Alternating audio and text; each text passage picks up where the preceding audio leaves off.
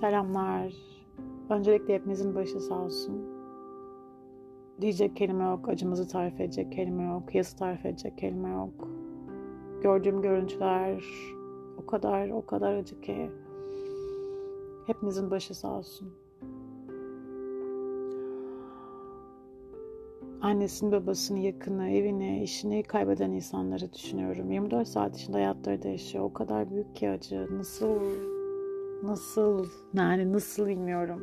Ve de biz varız bir taraftan televizyon başına buna maruz kalan, bir şeyler yapmaya çalışan ve yaptığı şeyler yine de yetersiz kalan ve bu çaresizliği izlemek zorunda kalan bizler varız. Ve günün sonunda toplum olarak iyi değiliz. Ve bir haberim var, çok uzun süre iyi olmayacağız muhtemelen. Ee, çok uzun süre bu yazı tutmayı öğrenmemiz gerekiyor. Ve nasıl tutacağımızı da bilmiyoruz. İyi değiliz ve bunu hep söylüyorum zaten. Eğitimlerde de söylüyorum. Zaten iyi değildik arkadaşlar. Pandemiden sonra kimse iyi değildi. Ve şu an daha da iyi değiliz. Hep psikolog değilim, psikiyatr değilim ama e, kayıpların, kayıplarla ilgili hayatın öğretmeye çalıştığı şeyin şu olduğunu düşünüyorum. Bağ kurmak, iyi değilim demek, sarılmak, kalbin kalbi değmesine izin vermek, böyle iyi olmaya çalışmak, iyi olmaya yapmaktan ziyade iyi olmamaya izin vermek, beraber iyi olmamak, beraber ağlamak, sarılmak, kucaklaşmak, insanlığımızın en büyük gücüne izin vermek bence çok değerli. Özellikle bu zamanlarda. Yoksa diğer her şey çok boş. Bir yandan bizim için bu ikinci travmaya maruz kalan bizler için hayat devam ediyor. Çünkü ödememiz gereken günün sonunda ayın, ayın başında bir faturalar var. Faturalar yığını var. Yani yapmamız gereken şeyler var. Durun ben yaz tutacağım diyemiyoruz. E, o zaman nasıl olacak? Nasıl hayata devam edeceğiz? E, beraber yolmayarak, sarılarak, bağ kurarak, kalbin kalbi değmesine izin vererek ve şelale acının yoğun, şelale ve kayayı düşünün bir ormanlık alanda şelale acının, kırgınlığın, yoğun, öfkenin çok yoğun olduğu, hislerin çok aktığı bir yer olsun. Kaya ise sert, hiçbir şeyi umursamayan bir görüntüyü temsil etsin. İkisi arasında sağlıklı bir yer bulabiliriz bence. Ve ikisi arasında sağlıklı bir yer bulup bu yası yaşamın içine katıp hem günlük hayatımıza devam edip hem de bu yaz tutmayı, bu yaz annelik etmeyi öğrenebiliriz. Evet kolay değil, evet zaten iyi değildik. Ve evet arkadaşlar zaten kişisel hayatlarımız da farklı farklı nedenlerle, farklı farklı durumlarla baş etmeye çalışıyoruz. Zaten son 6-7 seneden beri gördüklerimiz hiç kolay değildi. Başlı başına bir pandemi zaten. Savaş, pandemi, gördüklerimiz, yangınlar hiç kolay şeyler görmedik ve bunun yanında kendi hayatlarımız da kolay geçmiyor. E böyle olunca insanların sağlıklı olmasını beklemek bence komik olur. O yüzden bağ kurun. Bir övedevi gibi görün mesela şu an dediğimi. Bu podcast dinledikten sonra arkadaşınıza, sevdiğinize nasılsın diye sorun. İlk gördüğünüz yakınınıza sarılın. Böyle doya doya sarılın. Bundan başka çözümümüz yok bizim arkadaşlar. Gerisi hep boş. Özellikle böyle zamanlarda bağ kurmak, konuşmak en güzeli. Evet bu, bu süreç de bir şekilde başka bir şey vesile olacak. Evet büyük resimde baktığımda neden bunların olduğunu, neden bunları gördüğümüz, neden bu insanlığın bu dönemde tanık olduğumuzu bilmiyorum. Ve bilmek de bizim haddimiz değil. Hiçbir zaman da olmayacak. İnsanlarımızın görevi adım adım yolumuzu bulmaya çalışmak. Evet bu karanlıkta geçecek.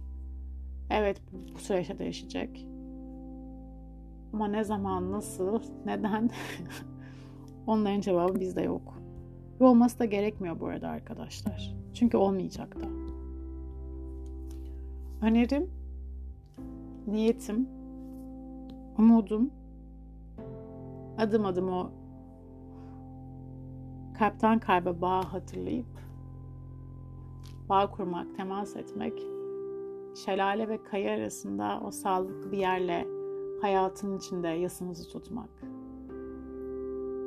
Çünkü öbür türlü şelalenin altında kalırsak felak oluruz ve kimseye yardımcı olamayız. Siz iyi olmazsanız, ben iyi olmazsam kimseye yardım edemem. Kimseye yardım edemem.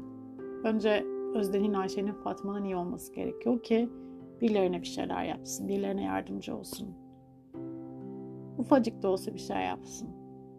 Ancak o zaman bir şeyler değişmeye başlıyor. Ancak o zaman hayat başka bir şey dönüşüyor bence. Küçük ya da büyük. Her adım çok değerli. Çünkü bir her zaman sıfırdan büyük. Ee, bu olaylar galiba geçen hafta bir yazı yazdım. Ee, o yazıyı okumak istiyorum.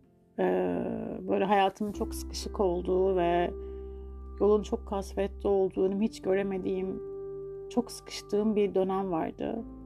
O dönemler dönemlerim oluyor zaten. Ee, merdivende açan bir çiçek gördüm. Ee, ve yemyeşil e, basamakta açmıştı. Ve ben de o kadar e, sıkışıktım ki böyle bakmıştım çiçeğe ve muhtemelen ağladım diye hatırlıyorum. E, ve onu hatırlayarak bir yazı yazdım. E, o yazıyı okumak istiyorum şu an. Seneler önceki hayatımda kalbime yine böyle bir acı konmuştu. Nereye koyacağımı, ne yapacağımı bilmez haldeydim. Acıyı. Çaresiz korku içinde ve umutsuz yolda yürürken başımı kaldırdığımda merdiven basamağında açan bir çiçek görmüştüm. Ölümün olduğu o yerden yaşam bulup açan çiçek. Karanlığın nefesi. Ölümün doğurduğu doğum. Demiştim ki kendime neden olmasın? Ben de deneyebilirim. Ben de açmanın mümkün olmadığı o yerde açabilirim. Ben de tüm olasılıklara, şart tüm olasılıklara şartlarla beraber açabilirim. Çünkü çiçek biliyordu. O çiçeğin açmasını sağlayan güneş kadar bitmeyeceğini sandığı soğuk gecelerdi. Çiçek soğuk gecelerle savaşmıyordu. Biliyordu. Onun açmasını sağlayacak burasıydı. Karanlıktı. Karanlık düşman değildi. Çiçeğin kötülüğünü istemiyordu. Aslında onun bir parçasıydı. Ya ona kafa tutacak ve solup gidecek ya da onu dışlamak yerine kapsamayı öğrenecekti. Karanlık düşman değildi.